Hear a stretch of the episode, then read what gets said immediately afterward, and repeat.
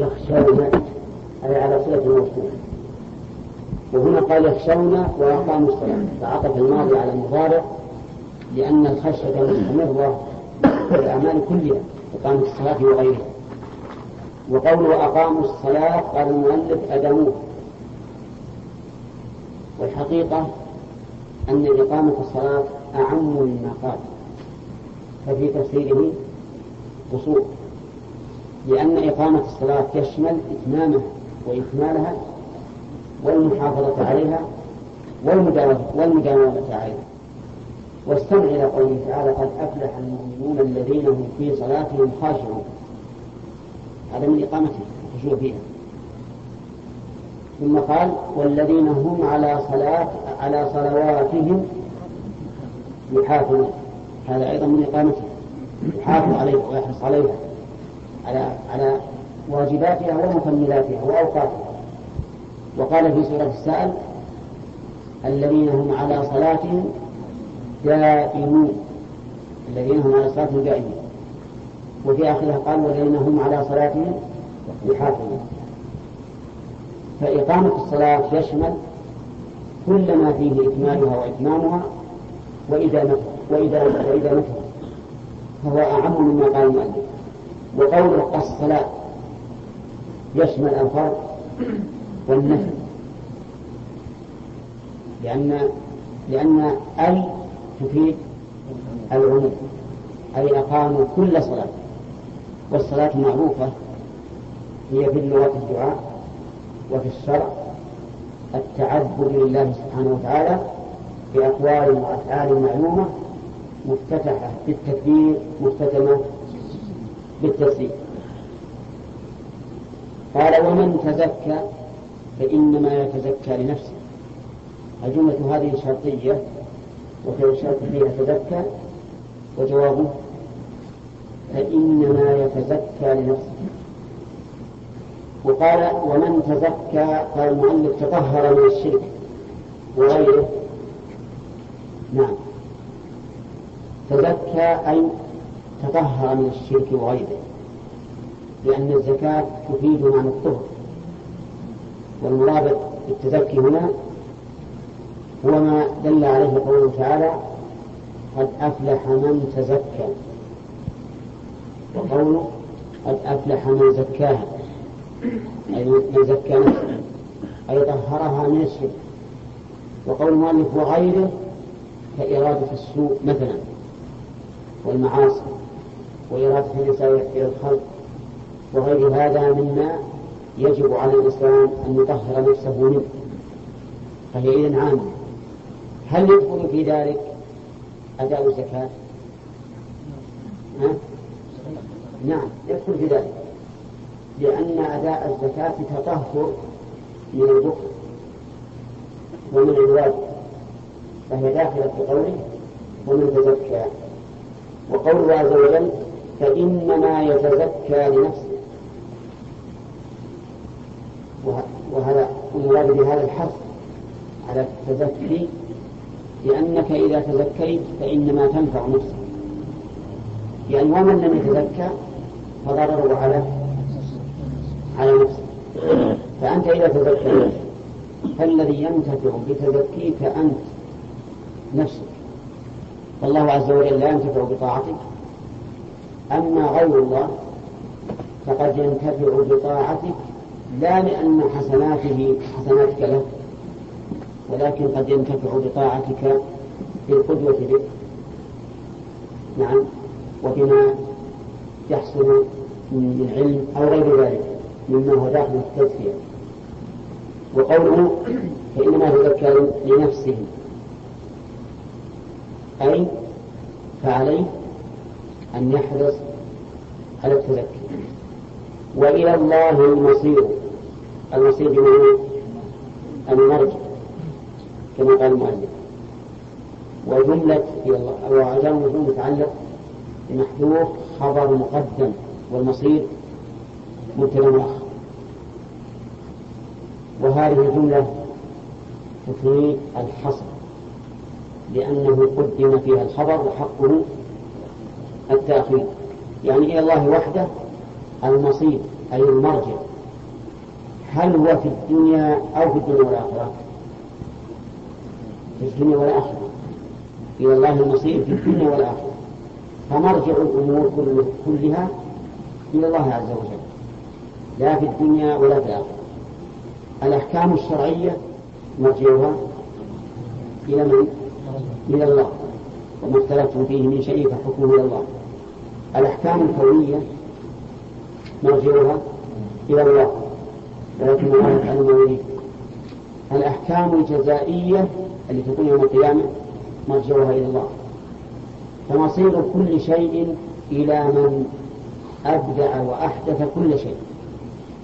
فالذي أبدع الأمور وأحدثها هو الله. إذا مرجعها إلى الله. فمنه المبتدأ وإليه المنتهى قال المؤلف تفريعا على قوله تعالى إلى المصير فيجزي بالعمل في الآخرة. وهذا إشارة من المؤلف إلى أنه قصر المصير هنا في المرجع يوم القيامة. والصواب؟ العموم الصواب العموم. وعلى هذا فهو سبحانه وتعالى يجازي ويحكم قدرا ويحكم شرعا بين عباده. والفوائد الآن من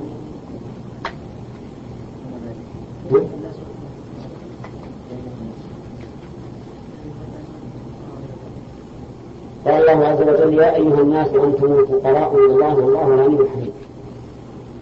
في هذه الآية فوائد كثيرة. منها أن جميع الخلق مفتقرون إلى الله عز وجل. مهما بلغوا في الغنى والقوة فإنهم مفتقرون إلى الله. بقوله يا أيها الناس وهذا لفظ عام لا يأخذ به شيء. ومنها بيان شدة حاجة الناس إلى الله لقوله أنتم الفقراء. بألف. الفقراء. لو قال فقراء لكان أمر لكن الفقراء معناه جميع أحوالنا كل في جميع أحوالنا كلها مفتقرون إلى ربنا سبحانه وتعالى.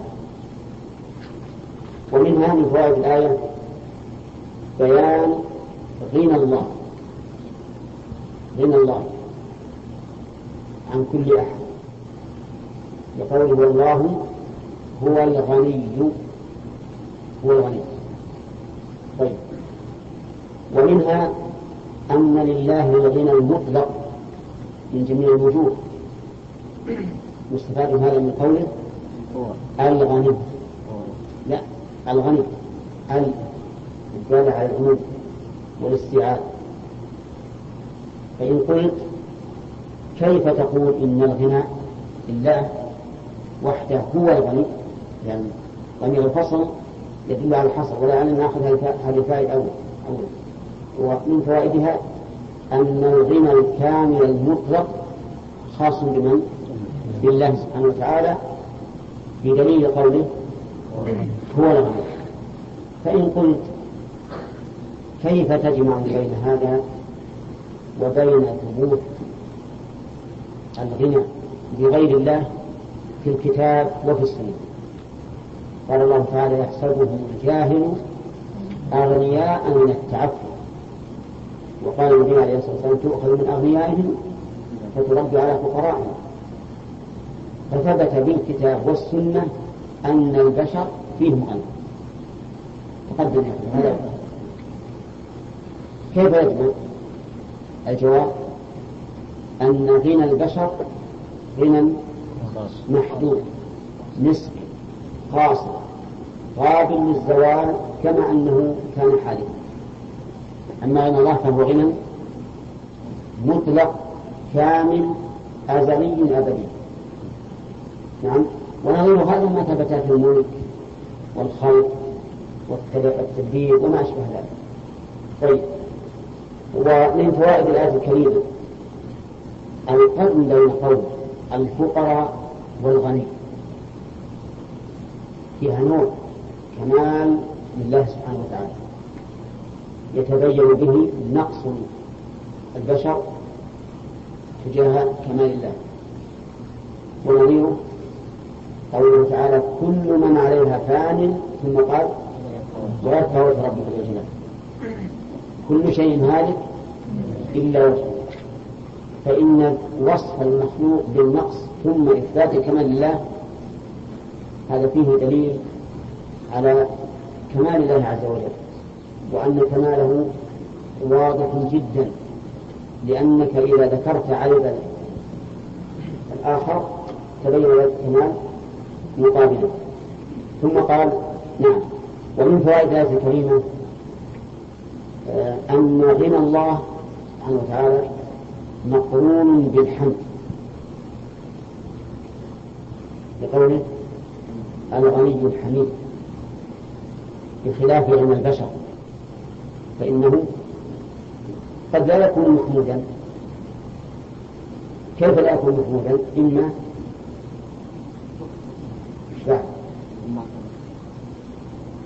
أو النقل بالحق لكن هذه هي. إما بالذكر وإما بكونه يأتي بدون استحقاق. السرات واللصوص قد يكونون أغنياء لكن اكتسبوه على غير وجه. المباح أما غنى الله فهو غنى كامل يحمد عليه. طيب. إذا يحمد من جهة الغنى ومن جهة الكرم. بما هو غني فيه. ومن فوائد الآية الكريمة إثبات اسمين من أسماء الله. وهما الغني والحميد. كذا؟ الغني يدل على صفة ما هي والحميد يدل على صفة وهي الحمد ومجموعهما يدل على صفة ثالثة وهو كمال غناه يعني ذكرنا في القواعد المثلى انه قد يكون قد ينشأ من الجمع بين الاسمين أو الوصفين صفة ثالثة تحصل باقترانهما ومثلنا هناك العزيز والحكيم أنها تقترن دائما بالكبلة لأنه يحصل باجتماعهما وصف أكمل. طيب. فيه أيضا آه، ثم قال عز وجل إن يشاء يذهبكم ويأتي بخلق جديد. يستفاد من هذه الآية الكريمة كمال قدرة الله عز وجل. حيث بين أنه قادر على أن يذهبنا ثم يأتي, يأتي بخلق جديد. ومن فوائدها إثبات المشيئة لله. يشاء ومن فوائدها التحذير من مخالفته تعالى يعني المقصود بهذا التهديد وتحذيرنا من مخالفته ومنها من فوائده أيضا أن الخلق حادث. أن الخلق حادث ليس أزليا. وقوله إن يشاء يذهبكم هذه فيها دلالة ويأتي بخلق جديد فيها أيضا دلالة كذا؟ طيب. أما الأولى فوجه الدلالة. أن ما كان قابلا للعدم فهو قابل للحدوث قابل للحدوث طيب. وأما الثانية فلقوله بخلق بخلق جديد. هل نستفيد منه؟ ثبوت. حدوث أفعال الله. باعتبار المفعولات. نعم. لأن كل مخلوق كائن بالخلق. فإذا كان المخلوق جديدا لازم أن يكون الخلق أيضا جديدا. فمثلا خلق الله للجنين في بطن أمه. حادث من لا؟ حادث. ضرورة أن المخلوق حادث. أما جنس فعل الله فهو أزلي فإن الله تعالى لم يزل فعالا. فهناك فرق بين وصف الله تعالى بالفعل على الإطلاق وبين وصف الله بالفعل مقرونا بالمفعول. فالفعل المقرون بالمفعول لا شك أنه حادث. والفعل المطلق أن الله لم يزل فعالا لما يريد هذا أزلي. طيب هل نستفيد من ذلك؟ جواز. تهديد الإنسان بالأشياء المحسوسة ليستقيم على أمر الله. وأن؟ نعم. إن هذا تدين من الله عز وجل لنستقيم على أمره. إذا نقول إن العقوبات من العقوبات الحسية وإن حملت على الاستقامة فإنها محمودة العقوبات الحسية وإن حملت على الاستقامة فإنها محمودة لأنها من فعل الله ولهذا أوجب الله علينا أن نحد الزاني ونقطع السارق ولا لا؟ علشان إيش؟ عشان لا يقول قائل إنك إذا فعلت ذلك فإنك قد حملت الناس على أن على أن يتركوا الأمر. لا لله. بعض الناس يقول كيف كيف تقع الحمول هذا؟ معناه أن الإنسان ما يترك الزنا أو أو السرقة إلا خوفا من من العقوبة ومعنى ذلك أن تحمل الناس على أن يدعوا من لا خوف من الله ولكن خوفا من العقوبة. فنقول إن هذا فيه إصلاح. ووسيلة الإصلاح ما عليه من, من, من نية الذي يحاول إصلاحه. طيب هل يستفاد من هذا؟ جواز إعطاء الجائزة تشجيعا لمن عمل صالحا. ولا لا؟ يعني بمعنى القياس العكس. نعم. لا توافقونني ودوا لو تدهنوا فيدهنون لا تدهنوا هل يؤخذ من هذه الآية جواز إعطاء المكافآت لمن يعمل عملا صالحا من باب قياس العكس؟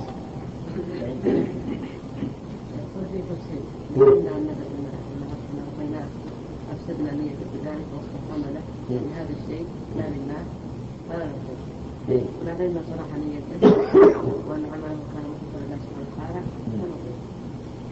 طيب ونيته بينه وبينهما طيب. وياسر شو كان هذا بعيدة هذا فيه بعيدة إن الله سبحانه فيه بعيدة فيه بس بعيدة فيه خبر مقدم وبس مبتدا مؤخر هذا فيه ولكن فائدة بعيدة إن الله سبحانه وتعالى لما عاقبهم بتركهم المعصية. بفعل المعصية. بفعل المعصية عاقبهم.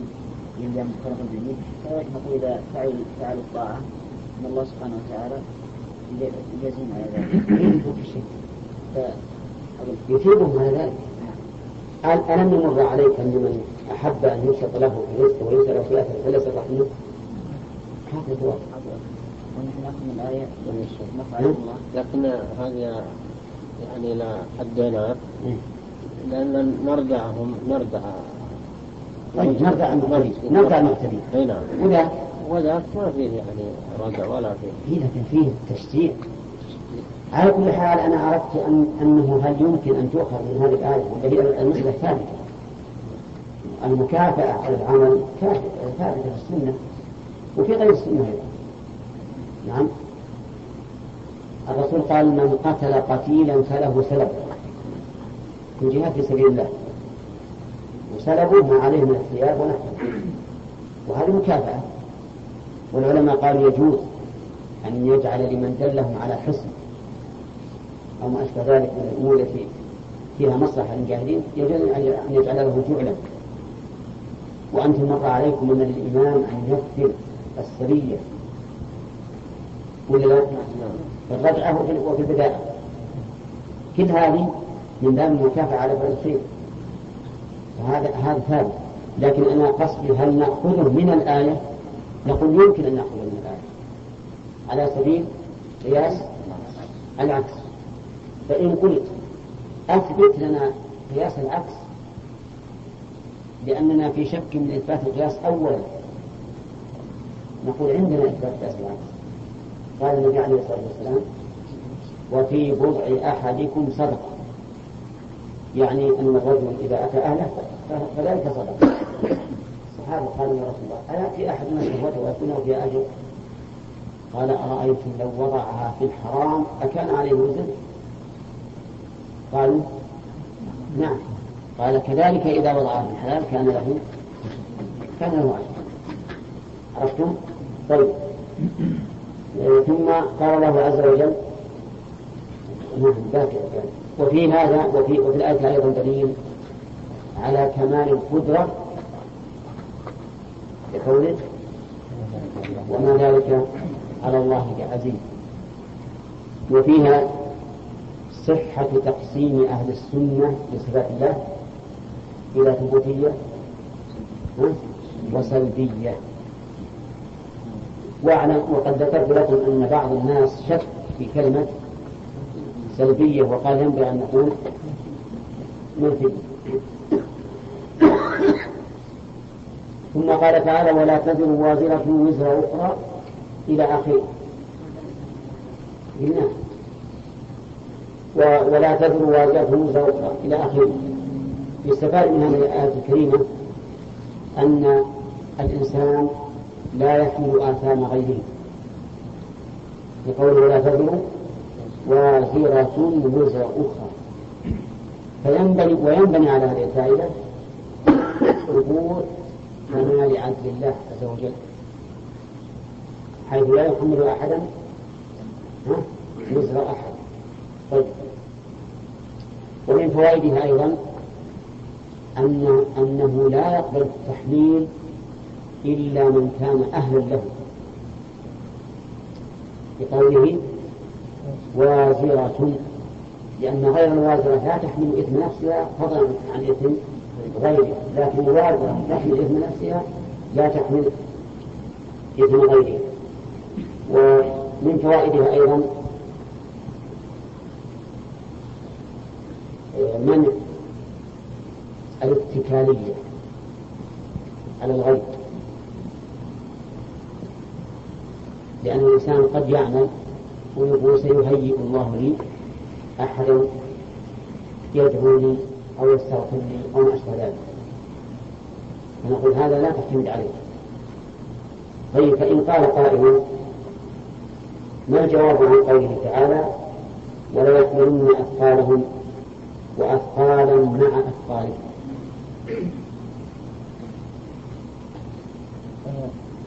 ولا يحملن أثقالهم وأثقالا هي أثقالا مع لأنهم هم قدوة فيها في إضلالها في إضلال غيرهم.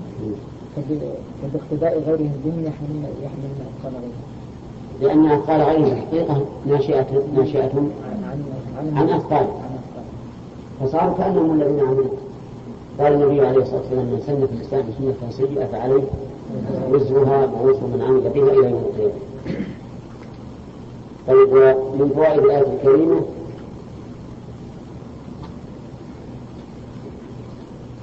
نشوف قياس العكس إذا كانت النفس لا تحمل إثم غيرها فهل تلزم بالواجب على غيرها أو تقوم بأوامر غيرها؟ لا.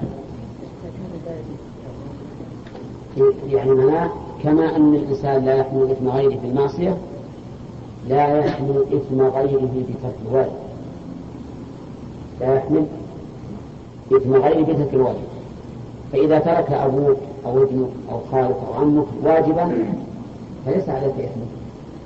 الإثم على آه، نفس هذا الرجل. طيب. نخلي بقية شهر القادم وأنا أقول الإخوان اللي هنا عندنا خصوصا في العمارة لأنهم طيبين أن لا يتأخروا عن الدروس. يعني واحد ينام بفراشة إلى إلى مثل ما بدا له أن يقول يأتي ما صحيح؟ ما هو طالب أنا لا أعتبر الإنسان الذي يأتي للعلم لمجرد أن يمضي الوقت فقط لا أعتبره غلبان فأنا أرجو لأنها هي إن التي تفيد لكنها تحط عليها ماء الكاف. لا هي إن طيب قوله وإلى الله فيها أبواب منها أبواب اقرأ علينا. أن الغيب لا يحمل وزر الغير وإن دعاه إلى ذلك. لقوله وإن كان مثقلة إلى حملها لا يكون منه شيء. بخلافه في الدنيا فإنه في الدنيا إذا دعاك أحد أن تعينه على ما حمل أو أن تحمله عنه أجبته. لكن في الآخرة لا. إن تدعو مثقال إلى عندها لا يحمل منه شيء. وحتى ولو كان أقرب الناس إليه. ولهذا قال ولو كان لا قربا ومن فوائدها أيضا أن رسول الله صلى الله عليه وسلم نذير بقوله إنما تنذر وأنه وهي فائدة جديدة وأنه لا ينتفع بإنذاره إلا من يخشى الله عز وجل. بقوله إنما تنذر الذين يخشون ربهم. إلى آخره. ومن فوائدها أيضا أن الخشية التي هي محل الثناء ما كانت خشية في الغيب. بقوله يخشون ربهم بالغيب. لأن الخشية في الظاهر قد يكون الحامل عليها مراعاة عباد الله. لكن إذا كانت بالغيب فإن هذا دليل واضح على أن صاحبها مخلص في خشيته الله عز وجل. ومن فوائدها أيضا فضيلة الصلاة وأن وأنها أي الصلاة سبب للانتفاع بإنذار النبي صلى الله عليه وسلم كالخشية لقوله وأقاموا الصلاة. ومن فوائدها أيضا أن الرجل أو إن شئت فقل أن الإنسان إذا تزكى فإن نفع تزكيه لنفسه ولا ينال الله سبحانه وتعالى من ذلك شيء. لا ينال الله من ذلك شيء. قوله ومن تزكى فإنما يتزكى لنفسه. ويتفرع عن هذه الفائدة أن أوامر الله عز وجل ليس من أجل مصلحة ينالها بامتثالنا ولكن من أجل رحمتنا ومصلحتنا نحن. قال الله تعالى إن تكفروا فإن الله غني عنكم ولا يرضى لعباده الكفر وإن تشكروا يرضه لكم. ولا تزر وازرة وزر ومنها الحث الحث على تزكية النفس. كقوله ومن تزكى فإنما يتزكى لنفسه فإنما يتزكى لنفسه. وكل إنسان عاقل إذا علم أن مصلحة العمل تعود إليه فإنه سوف ليش؟ سوف يهتم به. ويقوم به. فإذا علمت أن تزكيك لنفسك حرصت عليه غاية الحرص. والتزكي كما أشرنا إليه يشمل تزكية القلب بتطهيره من جميع الشرك والشك والضغائن والأحقاد والبغضاء وما أشبه ذلك. وتزكية الأقوال. من كل قول منكر بأن يكون الإنسان لا يقول إلا خيرا. يقول النبي عليه الصلاة والسلام من كان يؤمن بالله واليوم الآخر فليقل خيرا أو ليصمت.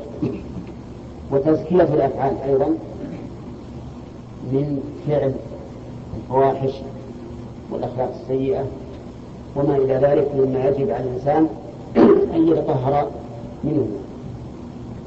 ومن فوائد الآية الكريمة أيضا كمال هذا الدين الإسلامي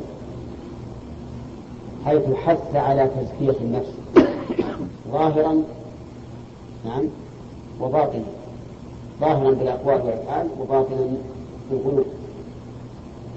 ومن فوائد الآية الكريمة أن مرجع الخلائق إلى الله في أحكامهم الكونية والشرعية والجزائية أما الأحكام الكونية فظاهر أن المرجع إلى الله لأنه لا أحد يستطيع أن يرد قضاء الله الكوني ولا لا؟ وأما الشرعية فكذلك فإن العباد مربوبون متعبدون لله عز وجل فكان مقتضى ذلك أن يتمشوا على أحكامه الشرعية. وأما الجزائية فالأمر ظاهر فإنه لا يجازي العاملين على عملهم إلا الله سبحانه وتعالى. ومن فوائد الآية الكريمة منع الرجوع إلى غير الله فيما هو مختص بالله. لقوله وإلى الله المصير. فلا يجوز أن نرجع إلى النظم الوضعية التي من وضع البشر وعندنا كتاب الله وسنة رسوله صلى الله عليه وسلم. ثم قال الله عز وجل في الدرس الجديد وما يستوي الأعمى والبصير.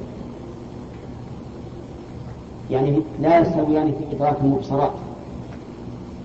ليس المعنى نفي ليس المعنى نفي التساوي مطلقا لأن الأعمى قد يفضل البصير في أمور أخرى لكن لا يستويان في إدراك المرئيات أو المبصرات التي تطابق الآية وما يستوي الأعمى والبصير وهذا ظاهر. الأعمى إذا قام يمشي وأمامه حفرة أو حجر وقع في الحفرة وعثر بالحجر والبصير بالعكس. البصير بالعكس. فلا يستوي هذا وهذا. أيهما أكمل؟ البصير. وهذا مثل حسي. يجب أن ننتقل منه إلى المثل المعنوي. وأما قول المؤمن الكافر ففيه نظر. يعني كأنه يريد أن يقول إن الأعمى هو الكافر والبصير هو المؤمن. ولكننا نقول لا. الآية يراد بها نفي المساواة في الأمور الحسية الظاهرة التي لا ينكرها أحد. إذ أن الكافر والزنديق والمعاند والمستكبر لا يمكن أن يدعي تساوي الأعمى والبصير. لكن قد يدعي تساوي المؤمن والكافر. طيب. قال ولا الظلمات ولا النور. قال ولا الظلمات الكفر والنور الإيمان. وهذا أيضا فيه نظر. والظاهر أن الله سبحانه وتعالى أراد الظلمات الحسية والنور الحس لأن نفي الاستواء بين هذين أمر لا يمكن إنكاره لأنه مدرك بالحس. الظلمات لا تستوي والنور. ولكن لا شك أن المراد بذلك ظلمات الكفر وظلمات ونور الإيمان.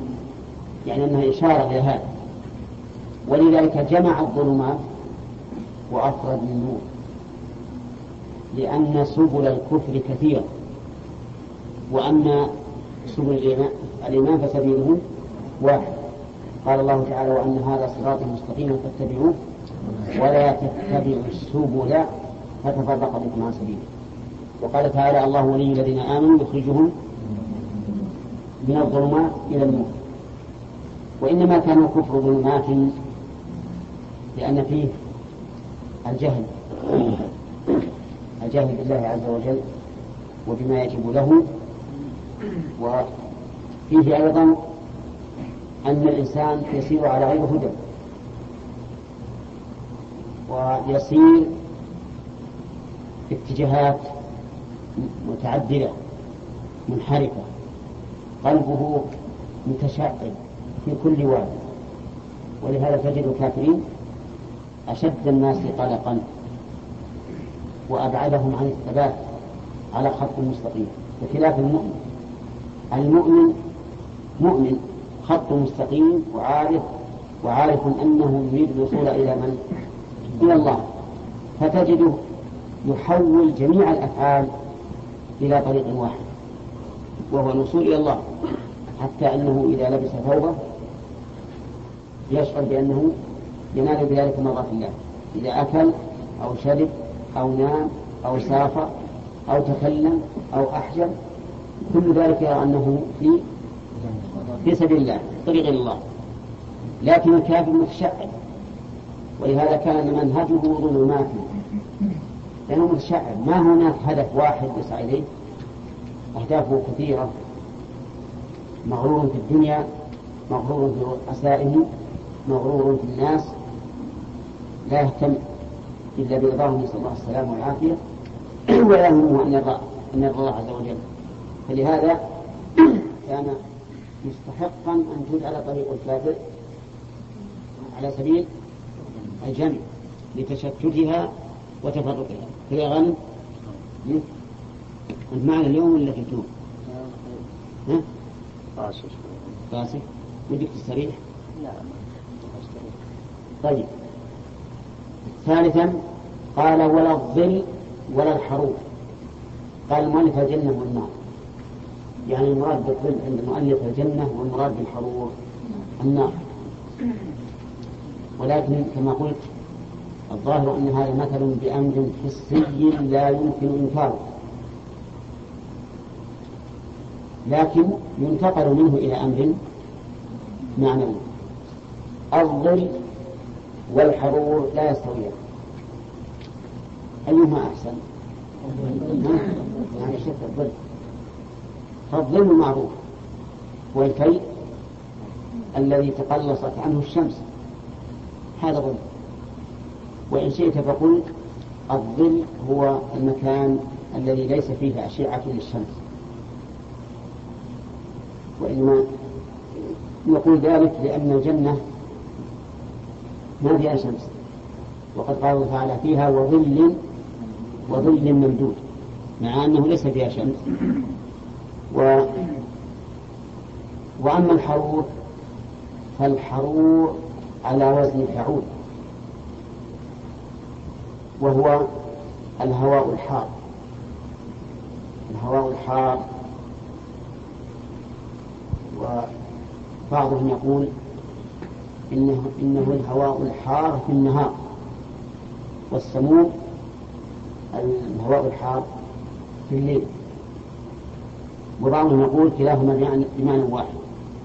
فالحرور والسموم هما الهواء الحار. وهذا معروف يكون في أيام الصيف. وإذا كان معه شمس ازداد شدة في الحرارة. طيب الآن عندنا الظلمات الأعمى والبصير. والظلمات والنور والظل والحريق على كلام المؤلف نقول هذه المنفيات الثلاثة أو هذا النفي المواضع الثلاثة الأول يعود إلى ذات المؤمن والكافر. والثاني يعود إلى عمل المؤمن والكافر. والثالث يعود إلى مستقر المؤمن والكافر. ولا لا؟ فالأول نفي في الذوات والثاني نفي في الأفعال والمنهج والثالث في المستقر والمأوى وما سوى الأمر البصير نعم. ولا ولا الظل ولا الحروب الرابع وما يستوي الأحياء ولا الأموات المؤمنون والكافرون. فعلى كلام المؤلف يكون في الآية تكرار تكرار لأنه فسر بالأول العمل البصير بالمؤمن والكافر. وهنا قال الأحياء والأموات المؤمنون والكافرون. ولو أردت أن أسلك أن أسلك مسلكه لقلت الأحياء ذوي العلم والأموات ذوي الجهل. لقوله تعالى أو من كان ميتا فأحييناه وجعلنا له نورا يمشي به في الناس كمن مثله في الظلمات ليس بخارج منها ولأن الله تعالى جعل الوحي روحا تحيا به القلوب والنفوس. ولكنني لا أسلك مسلك إنما لو أردت أن أسلك مسلكه لقلت العلماء والجهال الأحياء والأموات العلماء والجهال واضح؟ لأني إذا سلكت هذا المسلك فعندي على ذلك برهان وهو قوله أو من كان ميتا إلى آخره إذا سلكت هذا المسلك سلمت الآية من من التكرار. سلمت الآية من التكرار. ونحن نعلم جميعا أن من القواعد المعروفة في الكلام أنه إذا إذا دار الأمر بين حمل الكلام على التأسيس أو على التوكيد وجب حمله على التأسيس. لأنه هو الأصل. الأصل الكلام أن يكون مستقلا مؤسسا لا مؤكدا. طيب ها؟ التأسيس يعني الأصل أساس. يعني هذا معنى جديد. غير المعنى الأول. فإذا قال قائل هذه الجملة مؤكدة الأولى وقال الثاني هذه الجملة مستقلة بنفسها فإنه يحمل على أنها مستقلة بنفسها نعم. قال هو الكافر مو الكافر والمؤمن. نعم. بعدين الكفار والمؤمنين. يعني ما يصير. لا ما نظر. جمع مفرد ما طيب. قال المؤلف رحمه الله تعالى ولا لح... نعم. أنا أقول أن الأحياء والأموات يراد به الحياة الحسية والموت الحسي كل يعرف الفرق بين الحي والميت ولا حتى الكفار يعرفون الفرق بين الحي والميت ما يشابه هذه المعاني المحسوسة الأربعة من من المعاني المعقولة فهو مثلها ولا مخالف لها؟ ها؟ فهو مثله فالذي يماثل هذه الأشياء المحسوسة من الأمور المعقولة هو مثله نعم. يقول وزيادة لا في الثلاثة تأكيد هذه الجملة أفادت أن لدينا زيادة وأن الفائدة من هذه الزيادة التوكيد. ولا الزيادة وما سلام البسيط ما فيها شيء. ولا الظلمات ولا النور اثنتين ولا الظل ولا الحرور وما يسوي الأحياء ولا الأموات. كم دول؟ أو ست. طيب. و ولا الظلمات هذه واحدة ولا النور ولا الظل ولا الحرور ولا الأموات. خمسة. لكن جعلها المؤلف ثلاثة لأن المتقابل فيها ثلاثة. الظلمات والنور هذه يجب أن تكون واحدة. والظل والحرور واحدة والأحياء واحدة. المهم أن جاء في ذات المواضع كلها سواء كنا ثلاثة أو خمسة هي للتوكيد إذ لو قيل وما يستوي الأعمى والبصير والظلمات والنور. والظل والحرور والأحياء والأموات. ها، استقام الكلام. لكن يؤتى بلا الزائدة للتوكيد. نعم. وفيها أيضا فائدة ثانية وهي عدم السآمة والملل لأنها لو حذفت لطال لطالت المعطوفات بعضها مع بعض. فقرر فيها عامل النفي ليكون أبعد ليكون أبعد عن السآمة فإن قلت هل لذلك نظير؟ في ذلك لا. قلنا نعم. لهذا نظير في مواضع كثيرة. منها ما نقرأه في كل صلاة. وهي غير المغضوب عليهم ولا الضالين. غير المغضوب عليهم ولا الضالين. إذ لو قال غير المغضوب عليهم الضالين استقام لكن زيدت لا في التوكيد قال الله تعالى إن الله يسمع من يشاء وما أنت بمسمع من في القبور. إن الله يسمع من يشاء قال المؤلف هدايته. فإيش؟ نعم. نعم. فيجيبه أي المسمع بالإيمان. يعني إن الله تعالى يدعو إلى دار السلام كما قال في آية أخرى والله يدعو إلى دار السلام. دعاء الله تعالى إلى دار السلام. هل يسمعه كل أحد؟ أما من حيث الإدراك الحسي فإن كل أحد يسمع أما من حيث الإجابة فلا. من الناس من يجيب ومنهم من لا يجيب. ولهذا قال والله يدعو إلى الإسلام ويهدي من يشاء إلى صراط مستقيم. فالله تعالى يسمع من يشاء يعني بمعنى اتباع هؤلاء الرسل. وما أنت بمسمع من في القبور؟ ما هذه الإعراب يقول إنها لها اسم آخر. حجازية. واسمها الضمير أنت والباء في المسمع زاد التوكيد المسمع خبرها منصوب بفتحة مقدرة على آخره ما عن ظهورها حركة حرف الجر الزائد ما أنت بمسمع وقوله من في القبور؟ من هذه؟ مفعول لمسلم لأن مسمع اسم فاعل. بمسمع من في القبور طيب. قال المؤلف أي الكفار شبههم بالموتى فيجيبون. يعني ما أنتم بمسمعهم فلا يجيبون لعندك فيجيبون. فلا يجيبون الصواب عندك الصحيح عندك نعم. اللي عندي خطأ. لأن لأن إذا كان إذا كان فيجيبون فيجب أن تحدث النون لأنه جواب النفي في قوله وما أنت بمسلم الحقوق أما النسبة اللي عند غانم وإخوانه فإن فإنها منفصلة. عما قبلها أي فهم في عدم إسماعهم لا يجبون. على كل حال المؤلف رحمه الله يقول ما أنت بمسمع من في القبور؟ قال أي الكفار.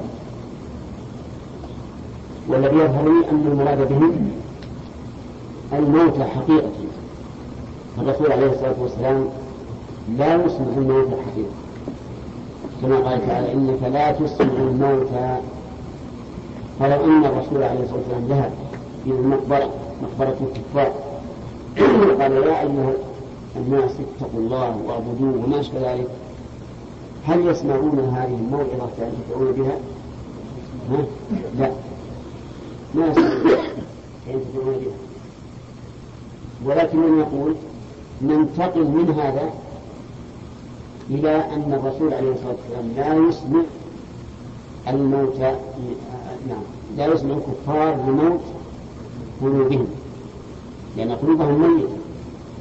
ومن قلبه ميت والعياذ بالله فإنه لا ينتفع بما يسمع من المواعظ فكأنه لا يسمع.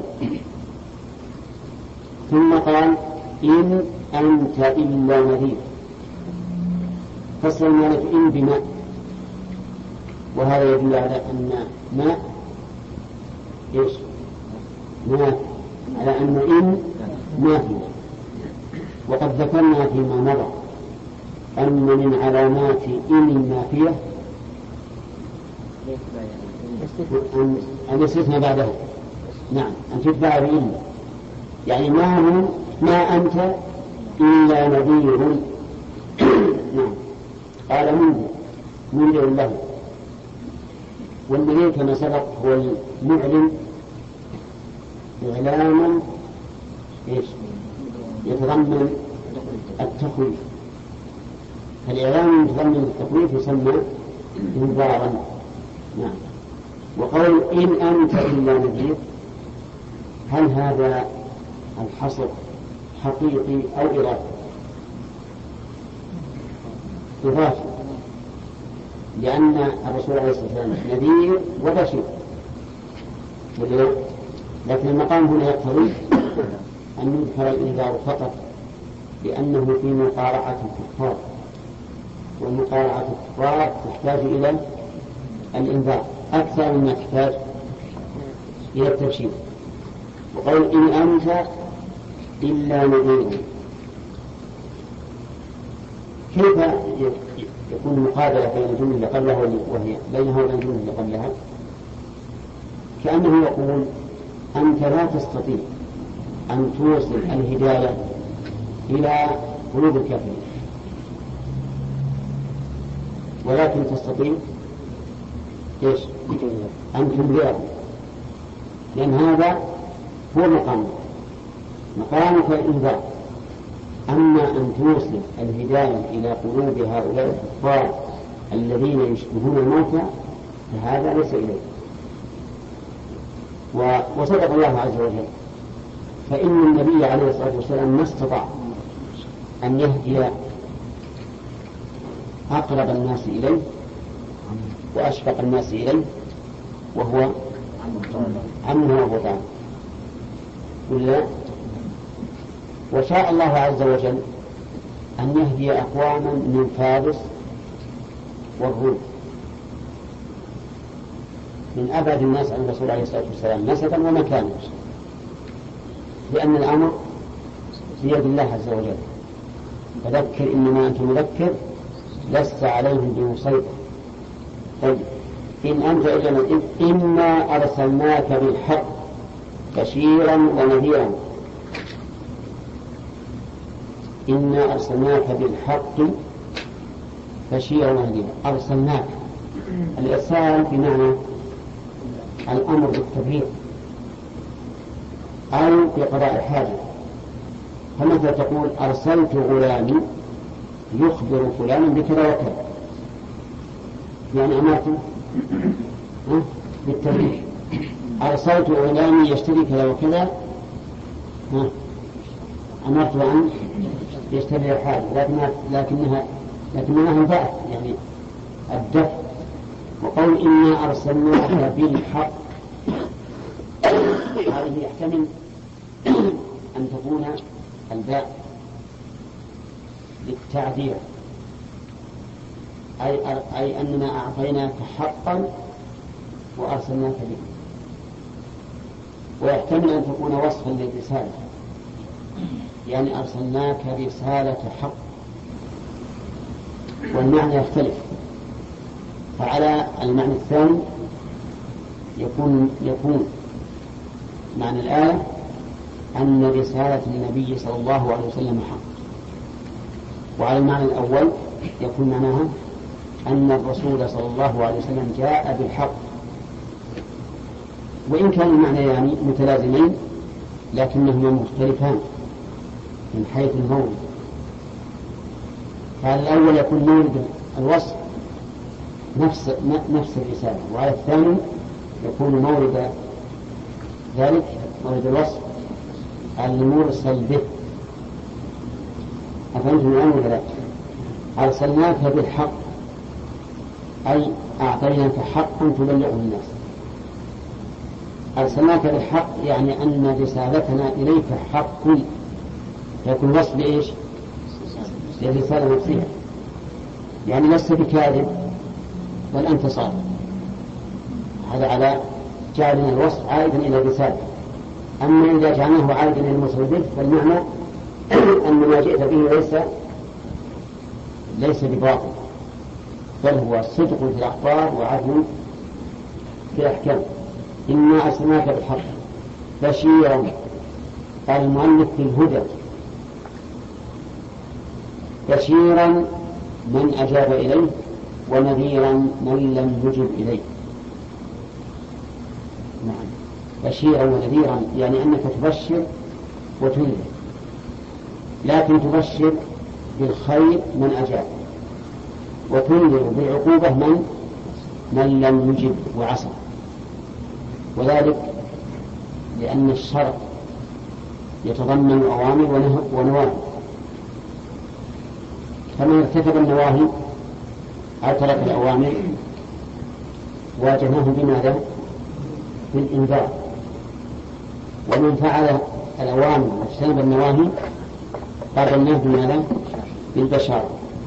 بشيرا ونذيرا وإن من أمة إلا خلا فيها نذير. إن يعني نافية من أمة من حرف زائد زائد.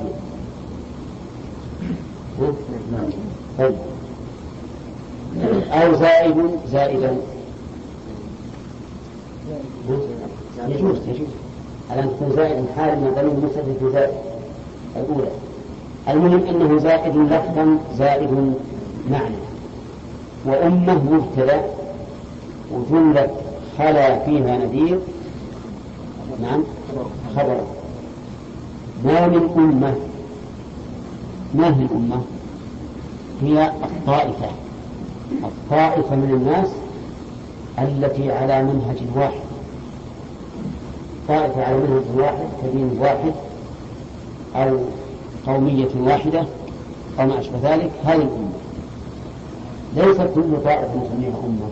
فمثلا أنتم الآن ما نسميكم أمة إلا لأنكم على طريق واحد.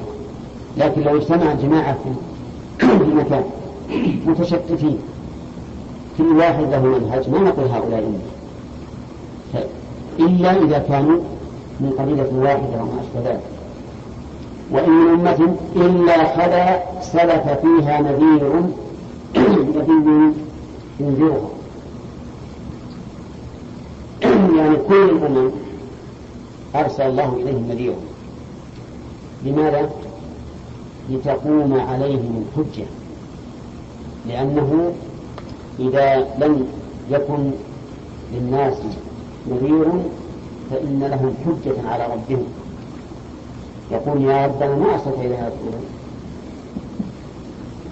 كما قال تعالى ولو أن أهلكناه أهلكناهم بعذاب من قبله لقالوا ربنا لولا أرسلت إلينا رسولا فنتبع آياتك من قبل أن نذل ونخزى وقال تعالى رسلا مبشرين ومنذرين لئلا يكون للناس على الله حجة بعد الرسل. وسيأتي إن شاء الله الكلام على ما في قوله وإن من في الآخرة فنذير من الإشكال والجواب عنه قال تعالى وما يستوي الأعمى والبصير. في هذه الآية فوائد منها بلاغة القرآن حيث ينتقل لسامعه وقارئه من الأمثال الحسية إلى الأمثال المعنوية ذلك لأن الأمثال الحسية لا يمتري فيها أحد ولا يمكن أحد أن يجادل فيها. لأنك إذا قلت مثلا هذا هذه اللمبة وهذا نورها ما أحد ينزل فيها. فينتقل من المحسوس إلى المعقول المعنى. ومن فوائد الآية الكريمة فضيلة البصر. فضيلة البصر لأن مثل الاستواء بين الأعمى والبصير معناه تفضيل من؟ تفضيل البصير ولهذا أكثر من دعاء الله عز وجل اللهم متعنا بأسماعنا وأبصارنا وقواتنا ما أبقيتنا. نعم. وكذلك أيضا نقول في ولا الظلمات ولا النور. لأن فيها من قراءة القرآن ما في قوله وما يستوي البصير. وفيها الانتقال من المثل الحسي إلى المثل المعنى طيب. فيها أيضا تفضيل النور على الظلمة لأن في فيهما؟ معناه؟ نعم. تفضيل النور على الظلمة ومنها أيضا إذا انتقلنا من المثل الحسي المعنوي أن طريق الهدى واحد وطرق الضلال متفرقة. لقوله الظلمات والنور. الظلمات والنور. وذكرنا شاهدا من القرآن على هذا. وهو قوله تعالى وأن هذا صراط مستقيم فاتبعوه ولا تتبعوا السبل فتفرق بكم عن سبيله. وقال تعالى الله ولي الذين آمنوا يخرجهم من ظلمات النور والذين كفروا أولياءهم الطاغوت. في طاغوت يجرهم إلى نوع من الكفر والفسق. نسأل الله العافية. ومنها أيضا أنه لا يستوي الظل والحرور وهذا مثل حسي ينتقل منه إلى المثل المعنوي وهو ظل الجنة وحر النار. لا يستويان أيهما أفضل؟ ظل الجنة اللهم اجعلنا طيب. ومن فوائد الآية الكريمة أيضا التحذير من عمل أهل النار.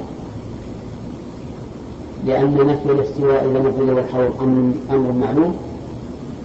وتأذي الإنسان الإنسان بالحرور أيضا أمر معلوم. ففيه التحذير من عمل النار هل يؤخذ من الآية الكريمة أنه لا حرج على الإنسان أن يطلب الظل نعم. وأن يطلب النور؟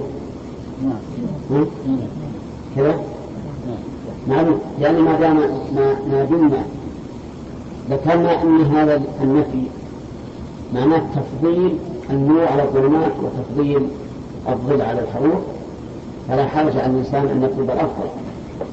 بل قد يجب أحيانا. طيب. ولهذا لما رأى النبي عليه الصلاة والسلام زحاما ورجلا قد ظلل عليه في صيام رمضان في السفر ما قال لا تغلب عليه ولكن قال ليس من البر الصيام في السفر. وقوله وما يستوي الأحياء والأموات فيها أيضا ما سبق نظرها وفيها فضيلة العلم وهو كذلك. وقد قال الله تعالى قل هل يستوي الذين يعلمون والذين لا يعلمون والعلم جهاد في سبيل الله. وإن شئت فقل على الأصح العلم سلاح للجهاد في سبيل الله لأنه قد يحمل العلم من لا ينتفع به ولا ينفع غيره. فهو سلاح. لكن إذا نفعت نفسك وغيرك صرت مجاهدا به. قال الله تعالى ولا تطع الكافرين وجاهدهم به جهاد فلا تطع الكافرين وجاهدهم به جهادا كبيرا. طيب فالعلم جهاد فالعلم سلاح. سلاح يتوصل به الإنسان إلى الجهاد في سبيل في سبيل الله. طيب ومن فوائدها أيضا من فوائد قول الأحياء والأموات أن أن أن فيه الحث فيها الحث على إيش؟ على طلب العلم وأنه حياة الأمة كما أنه حياة الفرد فلا يمكن أن تحيا الأمة حياة لا أقول حياة بهيمية يمكن أن تحيا حياة بهيمية بدون علم لكن لا يمكن أن تحيا حياة طيبة إلا بالعلم وكل الناس ينشدون الحياة الطيبة لكن ما طريقها؟ العلم إذا أثمر ثمرته وهو الإيمان والعمل الصالح. قال الله تعالى من عمل صالح من ذكر أو أنثى وهو مؤمن حياة طيبة. نعم. يقول إن الله يسمع من يشاء. وما أنت بمسمع من فوائدها أن أن الله عز وجل هو الذي بيده مقاليد الأمور. حتى أنت يا محمد لا تستطيع أن تسمع أحدا بل المسمع هو الله. وفيه إثبات المشيئة لله لقوله من يشاء. وفيه رد على القدرية الذين ينكرون أن يكون لأفعال العباد مشيئة لله عز وجل. يقول الله يسمع من يشاء. ولكن هذه المشيئة المطلقة هنا وفي كل موضع جاءت مطلقة مقيدة بماذا؟ في الحكمة لقوله تعالى وما تشاءون إلا أن يشاء الله إن الله كان عليما حكيما. ومن فوائدها أنه ينبغي للإنسان بل يجب على الإنسان أن يلجأ إلى الله عز وجل وحده في جلب المنافع ودفع المواقف كقوله إن الله يسمع من يشاء فإذا كان يسمع من الله فلا تسأله من غيره لا تسأله إلا من الله. ولهذا ينبغي لنا دائما أن نكون داعين لله عز وجل ونحن نشعر بأننا مفتقرون إلى الله وأن الله سبحانه وتعالى قادر على أن يحقق لنا ما نرجوه وما ندعوه به. لا تعتمد على نفسك وتنسى الله. افزع الله دائما في الدعاء في السجود وبين الأذان والإقامة وفي كل مواطن الإجابة الزمنية والمكانية والحالية لأن الله سبحانه وتعالى يقول وإذا سألك عبادي عني فإني قريب أجيب دعوة الداعي إذا دعان ثم اعلم أيضا أن الدعاء مع كونك تطلب حاجتك من الله هو نفسه أيضا ها؟ عبادة. عبادة تتقرب به الله فتكسب بهذا الدعاء. تكسب فيه آه، ثمرتين الثمرة الأولى الثواب على هذه العبادة والثمرة الثانية حصول المطلوب أو دفع المطلوب. ومن فوائد الآية الكريمة أن رسول الله صلى الله عليه وسلم لا يستطيع أن يسمع من في القبور. لقوله وما أنت بمسمع من في القبور فلو أن الرسول صلى الله عليه وسلم ذهب إلى أهل المقبرة ودعاهم وقال يا يا أهل القبور آمنوا بالله ورسوله يا أهل القبور اعملوا صالحا. يسمعون؟ لا يسمعون. فإن قلت ما الجواب عما ثبت في الحديث الصحيح من أن النبي صلى الله عليه وسلم وقف على القتلى في بدر من المشركين وجعل يدعوهم بأسمائهم وأسماء آبائهم. يا فلان بن فلان هل وجدتم ما وعد أنت أخ؟ العجبة. ثم تقدم وأن نفعل بالربع هذه عشان ما تصير هكذا والفعل بيا بيا ها؟ نعم. تعرف هذا يا أخي. تقدم أنت الحين تقدم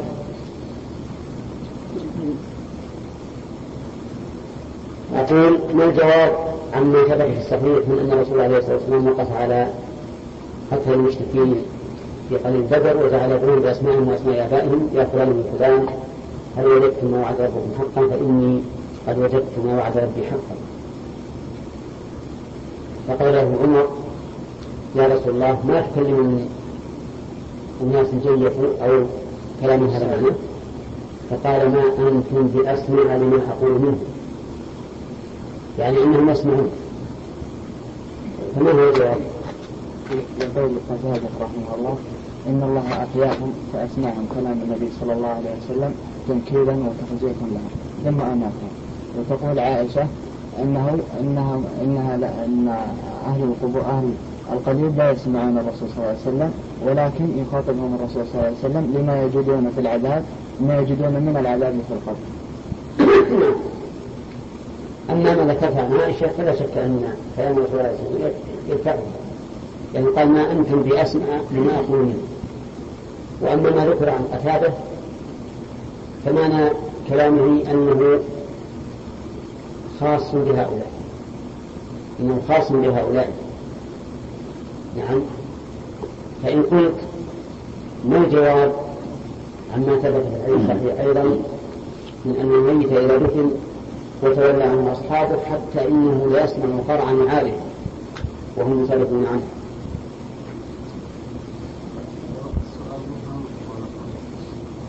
هذا عند الدفن وأيضا لا يلزم من لا يلزم من سماع قرع النعال أن يسمع الكلام والدعوة.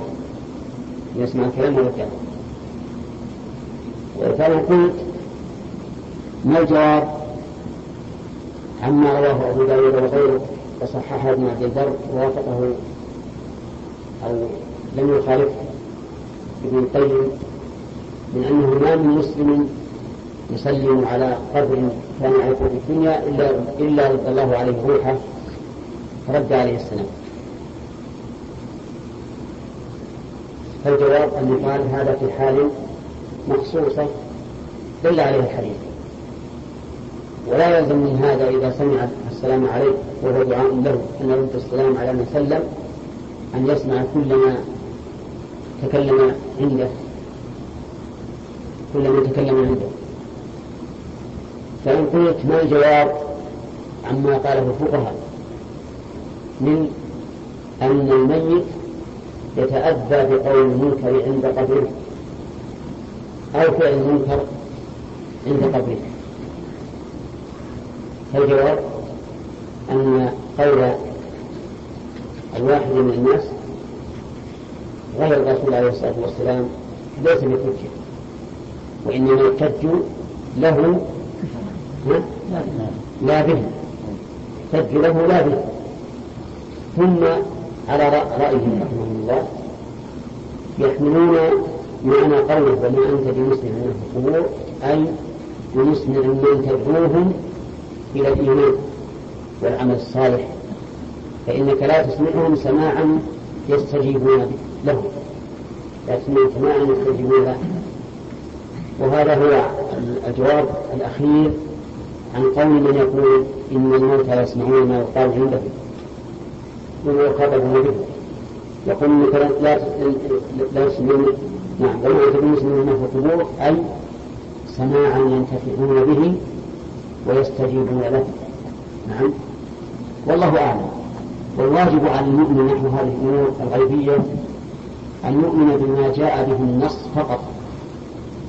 والباقي يسعه بل يجب عليه أن يقول العلم عند الله فلا يلزم بالنفي ولا يلزم بالإثبات. نعم. نعم له أن يلزم بالنفي ويجعل ما ثبت به الحديث من السماع مخصصا لأنه قال وما أنت بمسمع من في القبور. وفي الآية الأخرى إنك لا تسمع الموتى ولا تسمع الدعاء إذا لم يكبرون ومن فوائد ثم قال تعالى إن أنت إلا نذير. من فوائد هذه الآية الكريمة أن محمد رسول الله صلى الله عليه وسلم ليس إلا مبلغا ومنذرا وليس في يده جلب, جلب الهداية لأحد ولا الضرر عنه. لأنه قال إن أنت إلا نذير يعني ما أنت هذه للناس أي هداية توفيق وإرشاد توفيق ورشاد ولكنك منذر فأنت هذه هداية جلاء فقط. نعم. يقول إن أنت إلا نذير. ثم قال إنا أرسلناك بالحق بشيرا ونذيرا وإن من أمة إلا خلا فيها نذير. ثم أرسلناك بالحق في هذا دليل على أن رسالة النبي صلى الله عليه وسلم حق. وأنه ليس بكاذب. لأنه قال أرسلناك بالحق. ومن فوائدها أيضا أن الرسول عليه الصلاة والسلام أهل للرسالة. إذا جعلنا بالحق حالا من الفاعل. أي أن أرسلناك محقين بذلك. فيكون في دليل على أن الرسول عليه الصلاة والسلام أهل للرسالة. وهذا معلوم من أدلة أخرى كقوله الله أعلم حيث يجعل رسالته لكن نريد أن نقول من هذه الآية ومنها أيضا أن ما جاء به النبي عليه الصلاة والسلام فهو حق ليس بباطل.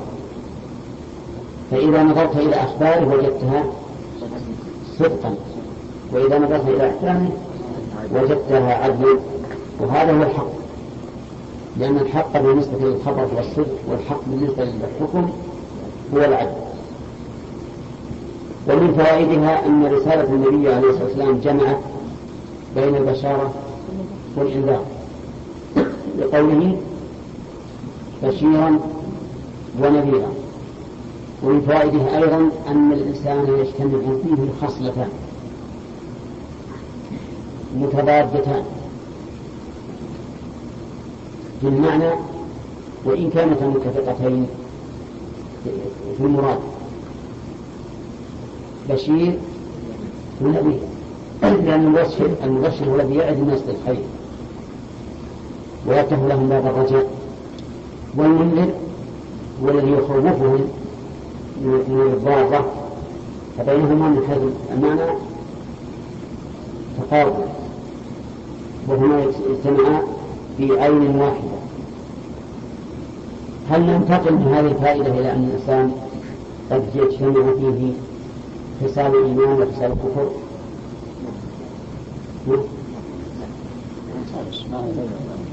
نعم. عن هذه لازم ينذر ويبشر لا ما هو متلازم ما هو متلازم إذا إذا رأيت إذا رأيت إذا رأيت جيش مقبل على البلد فأنا أنذره ولا أبشره لكن إذا رأيت أن الجيش قد انصرف فأنا أبشره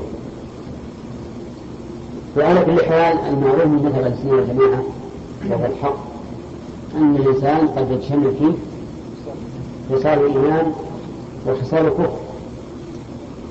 فيكون مؤمنا من وجه وكافرا من وجه. كقوله عليه الصلاة والسلام في الناس هما به الكفر الطعن في النسب والنيح على الميت وقال النبي عليه الصلاة والسلام أيضا سباب المسلم فسوق وقتاله كفر مع أن قتاله لا يخرج من الإيمان. لقوله وإن طائفتان من المؤمنين اقتتلوا إلى قوله إن المؤمنين إخوة فأصلحوا بين الخير وقوله لا ما وصلنا وإن مثل خير. فيها أيضا من الفوائد آه أن الأمر كله لله. ليس لأحد مشاركة فيه. حتى أعظم الناس منزلة لا يشارك الله تعالى فيما يختص به. بقوله إنا أرسلناك. ومعلوم أن مقام المرسل أعلى من مقام المرسل. الله وتعالى إنا أرسلناك بالحق بشيرا ونذيرا. الخطاب في قوله إنا أرسلناك للنبي صلى الله عليه وسلم. والإرسال هو تحميل المرسل شيئا يبلغه إلى المرسل إليه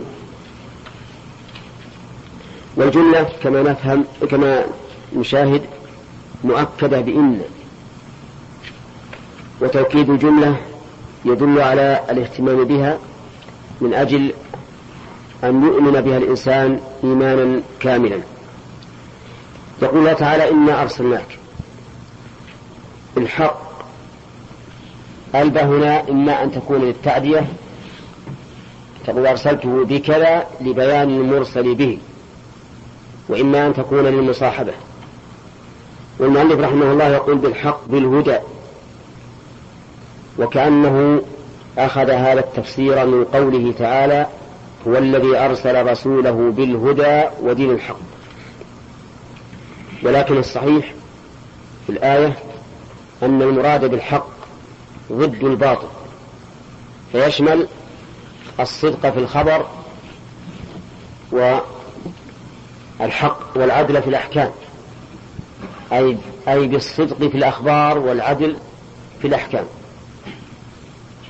وليس الهدى فقط بل الهدى والصلاح والإصلاح وغير ذلك وغير ذلك. لو يقرب الأخ.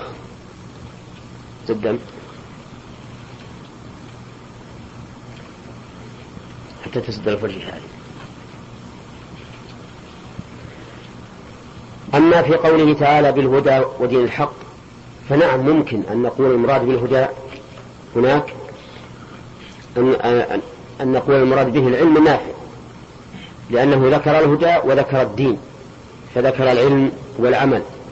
أما هنا فلا ينبغي أن نقتصر على قولنا الحق أي الهدى بل نجعله أعم من ذلك.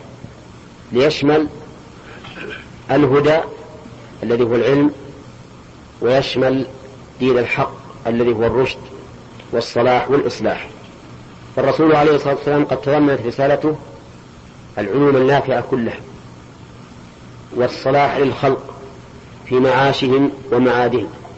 وما جاء به فقد تضمن الصدق في الأخبار والعدل في الأحكام. قال تعالى إنا أرسلناك بالحق بشيرا ونذيرا. بشير هذه حال بمعنى مبشر. حال من الكاف في أرسلناك. قال المؤلف بشيرا من أجاب إليه ونذيرا من لم يجب إليه. والبشارة هي الإخبار بما يسر وقد تستعمل في الإخبار بما يسوء كما في قوله تعالى فبشرهم بعذاب أليم. وأما الإنذار فهو التخويف أي الإعلام بما يخوف. والنبي عليه الصلاة والسلام كانت رسالته بشارة وإنذار لأنها إما أمر يبشر فاعله بما يقتضيه ذلك الأمر وإما نهي يخوف صاحبه من ارتكابه. فالشريعة كلها بشارة ونذار وقول المؤلف رحمه الله بشيرا من أجاب إليه ونذيرا من لم يجب قد يقال إن الأولى إبقاء الآية على عمومها. أي بشيرا لمن أجاب إليه ونذيرا له في نفس الوقت. لأن من أجاب أيضا يحتاج إلى إلى إنذار.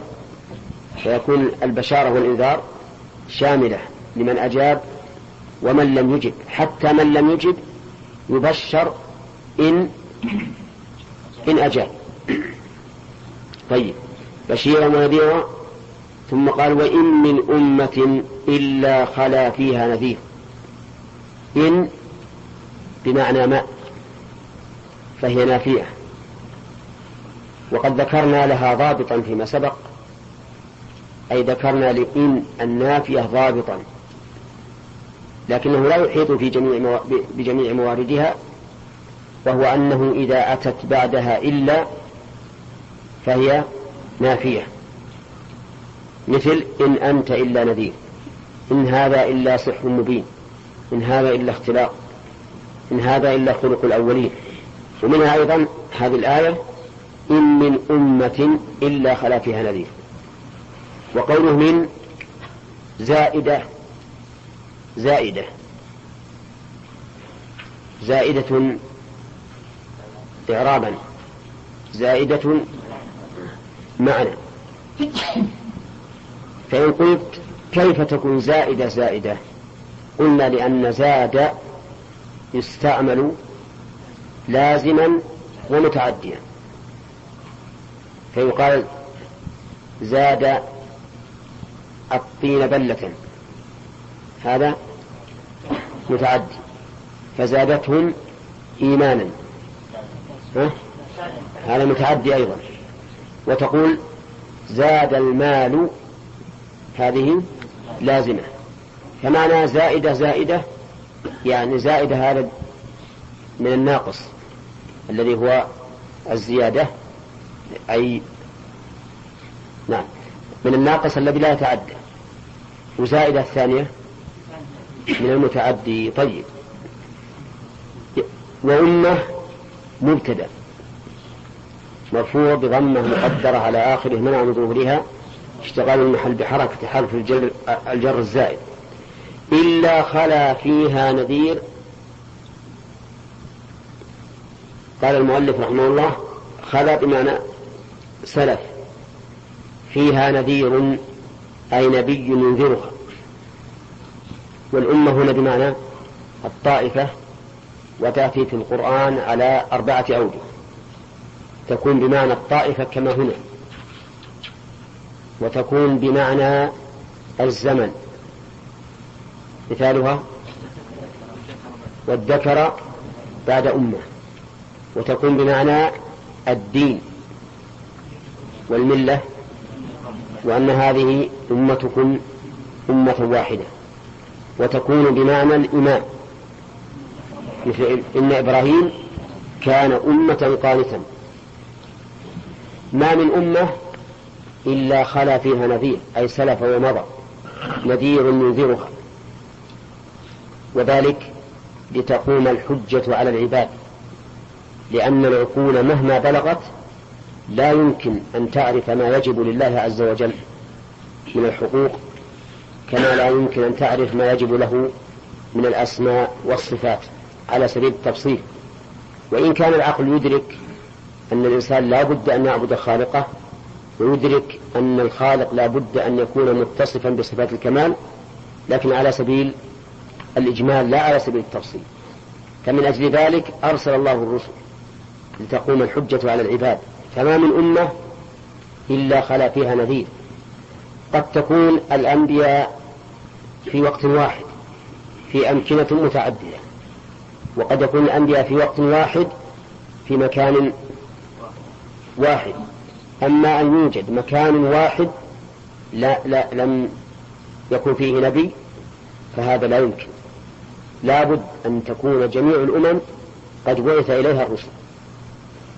ونظير هذا قوله تعالى ولقد بعثنا في كل أمة رسولا.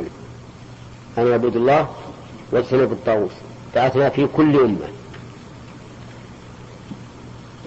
يستفاد من هذه الآية الكريمة عدة عدة فوائد.